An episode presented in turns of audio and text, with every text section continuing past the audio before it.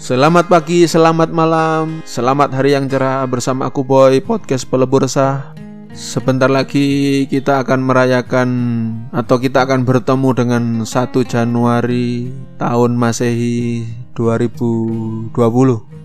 Nah ini masih ada yang bertanya tentang bagaimana hukumnya merayakan tahun baru Halal, haram, wajib, makruh, sunnah Ini persoalan fikih Lalu bagaimanakah sebenarnya tahun baru itu? Oke, tapi sebelumnya aku mau menginformasikan, ya silakan bagikan jika hanya jika kalian suka pada podcastku ini, silakan bagikan share ke semuanya, follow, subscribe, bunyikan lonceng notifikasi, terserah yang pakai YouTube atau pakai podcast Spotify, Google Podcast terserah, iTunes terserah. Silahkan hanya jika kalian suka. Jangan-jangan memaksa teman-temannya karena saya tidak pernah memaksa kalian. Saya hanya menawarkan jika kalian suka. Oke kembali ke topik. Sebenarnya aku sendiri agak-agak males bahas ini Karena debat gak selesai Apalagi lawan bicaranya. Begitu di Entahlah sensor. Namun demi konten apalah daya hamba, hamba Tuhan ini. Oke mari kita bahas dengan kepala dingin dan penuh dengan kedamaian dan senyuman ada beberapa penceramah yang menganalisa dengan metodologi cocologi non-cocokisme alias ngawur lucu penuh komedi. Dikatakannya oleh mereka tahun baru 1 Januari itu kaitannya dengan nama Dewa Janus salah satu dewa-dewi agama Romawi kuno Ya sekedar info ya sebenarnya pun agama Romawi kuno itu sebelum datanya Kristen itu menyembah atau mengadopsi agama dari Yunani. Nah, apakah ini kemudian paganisme atau sinkretisme? Jadi sinkretis paganisme, paganisme itu apa sih? Kenapa kesannya orang-orang Kristiani itu apa, merayakan tahun baru Masehi ini? Ya ini dituduhkan sebagai paganisme. Ya belum tentu. Ya jangan pinggir dangkal adanya podcast ini. Mari kita bongkar Mari kita bedah agar tidak ada kesalahpahaman hingga lahir kedamaian. Wahai! Pagan itu kan istilah populer di filosof Eropa atau teolog-teolog Eropa untuk membedakan ajaran gereja Eropa dan agama lainnya yang mereka anggap sesat. Yang di luar gereja Eropa itu dianggap sesat. Sinkretis juga adalah uh, logika filosof Eropa, filosof Barat untuk mendefinisikan suatu apa proses uh, suatu penyatuan beberapa paham, keimanan atau kepercayaan agama untuk dicarikan persamaannya. Misal ada kan uh, Kristen Kejawen itu yang dibawa oleh Kiai Sadrah.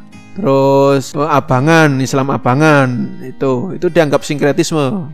Ada ada unsur budaya Jawa, kepercayaan ke, kepercayaan Sunda Wiwitan yang digabungkan dengan agama Islam atau dengan agama Kristen gitu.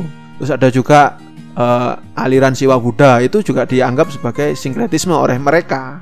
Oleh mereka loh ya, bukan oleh saya. Kalau oleh saya lain lagi. Itu nanti pembahasannya. Kalau saya niat bahas.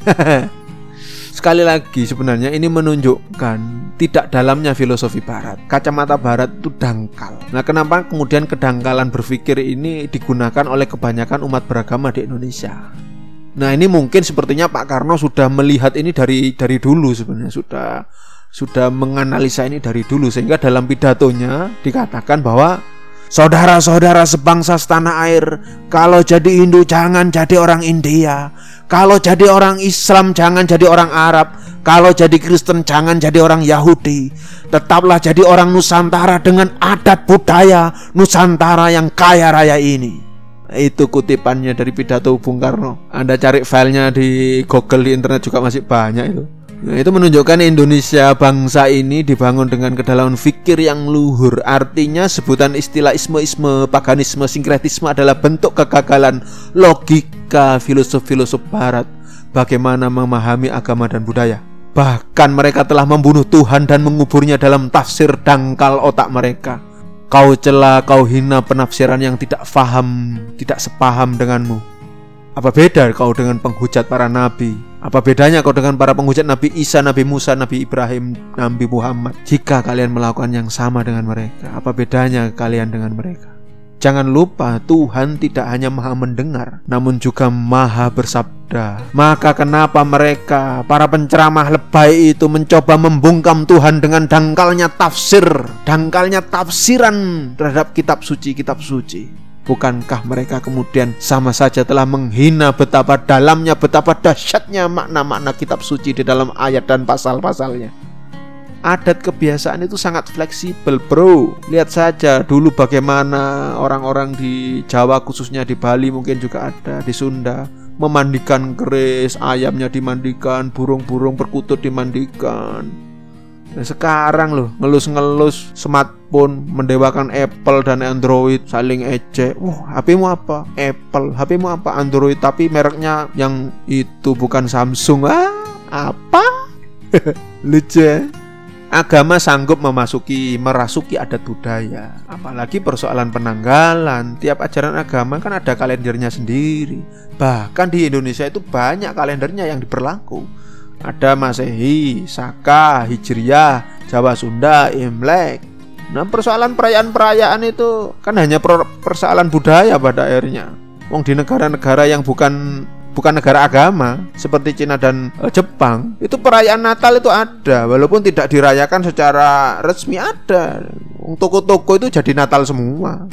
Di Cina sempat bermasalah itu tidak boleh merayakan Natal. Kemudian perayaan Natal dibolehkan karena akhirnya hanya perayaan saja pesta-pesta saja tanpa ada unsur agamanya. Nah ini apakah orang Kristiani bagaimana menanggapinya gitu loh? Apakah tersinggung ataukah bersyukur Ya bisa jadi itu yang tergantung sudut pandangnya. Bisa jadi dianggap sebagai pelecehan e, keagamaan atau sebagai bentuk apa masuknya ajaran Kristen di negara-negara yang tidak beragama, yang ateis, yang sekuler itu. Bisa jadi seperti itu.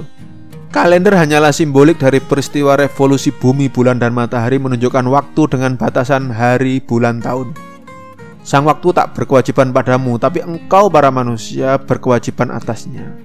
Idul Fitri, Idul Adha, Natal, Paskah, Waisak, Nyepi, Cap Gomek ditentukan oleh sang waktu kalender yang kalian sepakati agar kalian tidak lupa diri. Bahkan bagi Kristen ada ibadah hari Minggu, di Islam ada sholat berjamaah di hari Jumat, dan Yahudi pun ada hari Sabat. Nah ini yang menarik ini Kenapa hari sabat tidak dianggap sebagai bentuk sinkretis atau kesesatan dalam agama Kenapa nama Sabtu atau Al Sabtu tetap dipakai dalam kalender Hijriah dan Masehi yang di Indonesia? Masehi yang di Indonesia kalau yang di luar negeri kan kaitannya dengan Dewa Saturnus, nggak bukan tidak disebut Sabtu atau Sabat.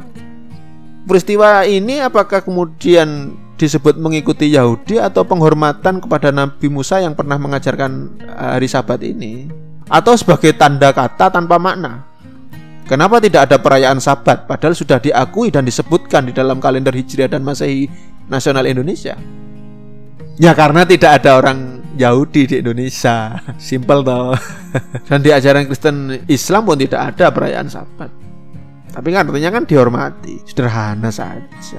Apa kalian mau merubah hari Sabtu disebut bukan eh, Sabtu tapi bukan Sabat gitu? Di Hijriah juga disebutkan itu Sabtu Sabat maka klaim tuduhan kafir, sesat paganisme, sinkretisme jangan lagi mudah dipakai. Kegagalan logika virus barat, persoalan agama dan budaya ini sudah nyata. Kalau perlu kuliah perbandingan agama, perbandingan kitab suci ditiadakan. Karena sering kali tersesat oleh framing dan alur nalar yang ngawur dengan argumentasi data yang tidak lengkap Kalian para penceramah alay, agama apa pun kalian, jaga mulut kalian, perbaiki otak kalian, perbaiki nalar kalian. Jangan membakar kerusuhan, jangan jadi provokator dong. Pahami pelajari sejarah Nusantara. Entah kalian lulusan dari Mesir, Arab, London, New York, Tokyo, Sydney. Jangan merasa paling pinter, paling alim, paling bener. Logat so Inggris, logat so Arab. Hmm, awas ada ojek, becek, Sesungguhnya manusia tidak boleh begitu. Ya nggak perlu begitulah. Kealiman tidak ditunjukkan dari logat Anda yang Inggris dan Anda yang logatnya Arab. Kealiman bagaimana Anda bertutur kata yang sopan lemah lembut. Bagaimana kemudian Anda bertingkah laku yang mendamaikan. Tingkahnya kayak kanibu kering ya tidak lembut dong. Tahu kanibu kering enggak? Buat apa pengetahuannya luas dan tinggi hanya di luar negeri tapi tidak sanggup membaca persoalan dalam negeri. Apalagi jika kalian buta dengan sejarah bangsa sendiri yang kemudian menghina menginjak-injak sejarah bangsa sendiri. Padahal sejarah Nusantara dari Sabang sampai Merauke, dari Pulau Aceh, Jawa, eh, Bali, Kali, Borneo, Kalimantan, Sulawesi, Nusa Tenggara, Papua, telah menceritakan sejarahnya dengan yang sangat kompleks yang belum tentu orang Mesir itu, orang Arab itu, orang London, orang New York, orang Sen orang Sydney itu tidak mengerti. Belum tentu mereka tahu. Ingatlah, di perpustakaan tidak hanya ada satu dua buku. Bahkan perpustakaan sendiri ada jutaan di dunia ini. Dan yang paling penting, memang buku adalah jendela dunia dan internet adalah labirin dunia yang suatu saat bisa menyesatkanmu jika kamu tidak tahu bagaimana menggunakannya. Sedangkan pengalaman hidup adalah kenyataan di dunia ini. Stop kedunguan, stop kebodohan, perilaku sok pintar dan menunjukkan kedunguan sedang perilaku kesantunan itu mendamaikan. Semoga kedunguan dan kebodohan segera sirna di tengah Indonesia, bangsa yang beragama, bertuhan, adil dan beradab. Dan semoga para pemuka agama, para ulama, para pandeta, para romo, para biku, para biksu, pendanda, para resi yang mulia, yang agung, yang suci, yang benar-benar tulus menggiring umat semoga diberikan kesehatan dan kesabaran untuk menggiring umat ini. Menggiring bangsa Indonesia ini tidak menjadi bangsa yang nyinyir, yang bodoh, yang dungu. Jangan lagi kesalahan dulu diulang kembali. Mari kita bangun sejarah baru yang mencerahkan agar mereka yang barat, mereka yang timur pun berkiblat pada Indonesia. Bercermin dan mereka sadar. Oke, jangan lupa jika suka podcast ini, hanya jika kalian suka, sebarkan ke siapa pun, follow subscribe hanya jika suka. Karena aku gak butuh viral, yang penting saudara, sahabat, teman yang asik anti sumbu pendek klub Lalu bagaimana aku merayakan tahun baru? Apakah aku merayakannya? Tahun baru apa yang kurayakan? Nantikan podcast selanjutnya. Sampai jumpa lagi. Bye bye.